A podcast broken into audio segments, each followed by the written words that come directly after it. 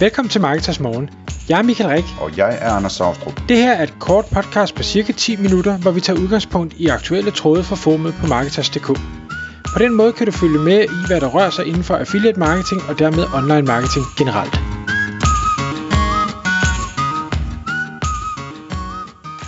Godmorgen Michael. Godmorgen Anders. Så er det Marketers morgentid, og vi skal i dag, Michael, snakke om, hvordan man giver navne til ting, hvad man kalder sine produkter.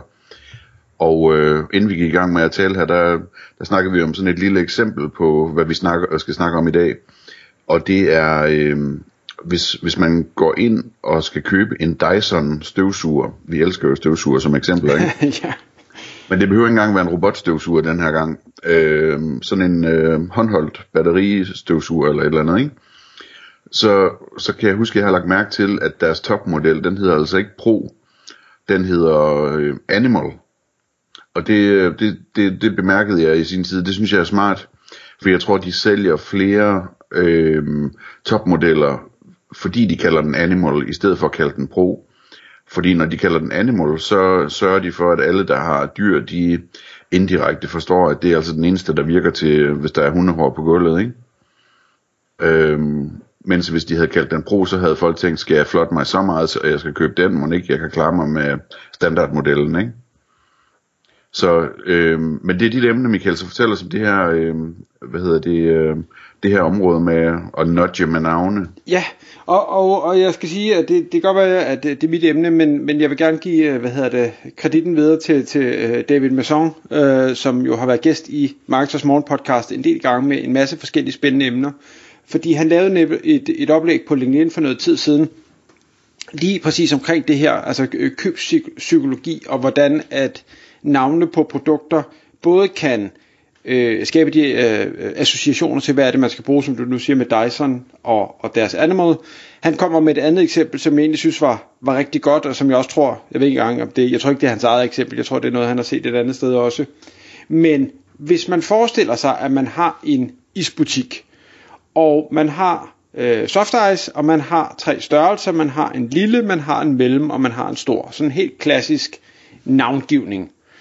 Og de fleste kan sikkert ikke genkende til, at, at hvis man er ude efter is, jamen ikke, ikke mig, jeg skal altså have den store, men mange andre siger, at jeg skal bare have den lille.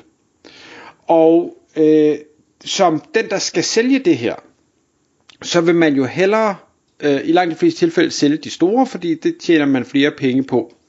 Så det, at folk de vælger den lille, fordi de har en idé om, at jeg skal købe den lille, det er, det er ikke altid hensigtsmæssigt. Så det han siger i eksemplet, det er, at hvis nu man ændrer navne på de her tre is, så i stedet for at kalde dem lille, mellem og stor, så ændrer man det til, at det er en børne, en lille og en stor. Så vil de voksne, igen, man skal selvfølgelig kigge på sin øh, kundegruppe, og, og hvem er det, man, man vil prøve at påvirke med det her. Men så vil de fleste voksne tænke, at jeg, jeg, det var, jeg skulle have en lille is, jeg skulle ikke have en børneis. Og dermed så ender de med at købe mellemisen i stedet for den lille. Fordi de ligesom har sat sig ud, at det var, det var en lille, de skulle af. Øh, det er klart, kommer der rigtig mange børn ind, jamen så skal man selvfølgelig passe på, at, at øh, det, eller ikke fordi, jeg tror ikke, det vil ændre noget, for børn vil som regel måske få en lille is, fordi de ikke kan spise mere, og nu vil de så stadigvæk få en børneis, så, så resultatet vil sikkert stadigvæk være positivt, tænker jeg det, i, i det her øh, eksempel, der er det jo også noget, øh, der er nærmest sådan noget skam med i det, ikke? Jo, Eller, jo. Altså sådan ligesom, hvis man gik ind på en restaurant og bestilte fra børnemenuen, det ville være sådan lidt pinligt eller sådan noget, ikke? Ja. Øh, nu ved jeg ikke, hvorfor du, du siger skam, men, men jeg kommer til at tænke på, jeg ved ikke, om du har set de her øh, opslag, hvor, hvor man har de her, øh, hvad hedder det, tips jar, hvad hedder sådan noget, øh, drikkepenge krus eller ja, sådan noget. Ja, ja, altså de har, de har to øh, bøtter eller glas eller et eller andet på, på disken forskellige steder, og, og øh, i stedet for at man bare har et, hvor man kan smide drikkepenge i, jamen så kan det være, at man har øh, øh her, hvis du er, er Liverpool-fan, her hvis du er Arsenal-fan, øh, og så kan man ligge sådan og konkurrere med hinanden, men, men jeg har også set nogen, hvor med, øh, øh her kan du lægge drikkepenge, hvis du har en, en lille penis, og her kan du lægge, hvis du har en stor penis, -agtig, eller et eller andet. Øh, og jeg tror også, jeg har også set et eksempel der med, med de her toilet, øh, altså de der toiletter, hvor man kan lægge en mønt til dem, der går og gør rent. Og det er også sådan noget med, jamen, altså, hvis du har, hvis du har en lille, så kan du, så kan du betale 1 euro, hvis du har en stor, kan du betale 5 euro, eller sådan et eller andet. Øh, og, og, og det sjove er, at man kan sige, at det, det der latterlige ting, ja ja, men det virker. altså, fordi nej, jeg har ikke en lille, så jeg betaler den store, ikke? Ja, ja.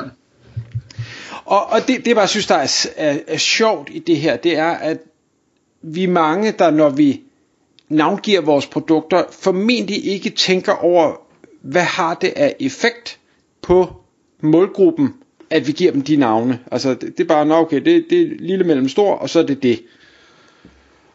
Hvor hvis vi nu tænkte, hvad, hvad kan vi ellers kalde dem, for at ændre folks opfattelse af, hvad produktet er, og, og hvad det egentlig er, de gerne vil købe, øh, for eksempel Dyson Animal, jamen, så, så kan vi faktisk øh, få rigtig mange penge ud af det, rigtig meget mere omsætning ud af det. Øhm. Og så var der det andet eksempel, jeg kom til at, at tænke på, som vi snakker om, også inden vi trykkede øh, optag, det er Starbucks. Hvor jeg altid synes, det har ikke fordi jeg frekventerer Starbucks øh, så ofte, men, men jeg synes, det er interessant den måde, de arbejder med størrelser på. De har så valgt en lidt anden tilgang, og jeg, jeg har ikke læst om, hvorfor deres tilgang er det, men, men nu kigger jeg for eksempel på en, en helt almindelig sort kaffe. Øh, der arbejder de med en, den mindste hedder short, så har de en tall, de har en grande, og de har en venti. Og, og, når, og, og igen, fordi jeg ikke kommer der så tit, så kan jeg ikke rigtig forholde mig til det, men, men altså, du har en, en, en lav, en høj, en stor, og en hvad var det, du slog op, at Venti betød 20, ikke også? Jo, fordi det er 20 ounces. 20 det er ounces. næsten 600 ml. Ja. Øh, det er en ordentlig kop kaffe, hva'? der, skal man, øh, der skal man være træt tidligere om morgenen. Det kunne være, at vi skulle begynde at bruge dem her, når vi optager. Nej, øh, men, men jeg synes bare, at, at det, jeg kan godt lide det, fordi det er sådan, man har lidt svært ved at forholde sig til det. Man skal nok ikke have den lille, fordi nej, det, det er nok for småt. Men, men, men hvad så, skal man have en tårle, eller skal man have en grande? Grande, det tror jeg, de fleste kan sige, okay, det er nok sådan en, en god stor kop kaffe, en, en høj kop kaffe, hvad, hvad, hvad delen af det, og venti, det lyder bare, det lyder eksklusivt, så hvis man synes, at man gerne vil have noget eksklusivt, så er det er sådan lidt, lidt lækkert italiensk, det, det er da det, jeg skal have. Jeg sidder og tænker på, det, det, er jo, det er jo ligesom om, at der er flere ting i spil, fordi på den ene side, så har du det der med, nu kalder vi den en venti, i stedet for at kalde den for en giant, ikke?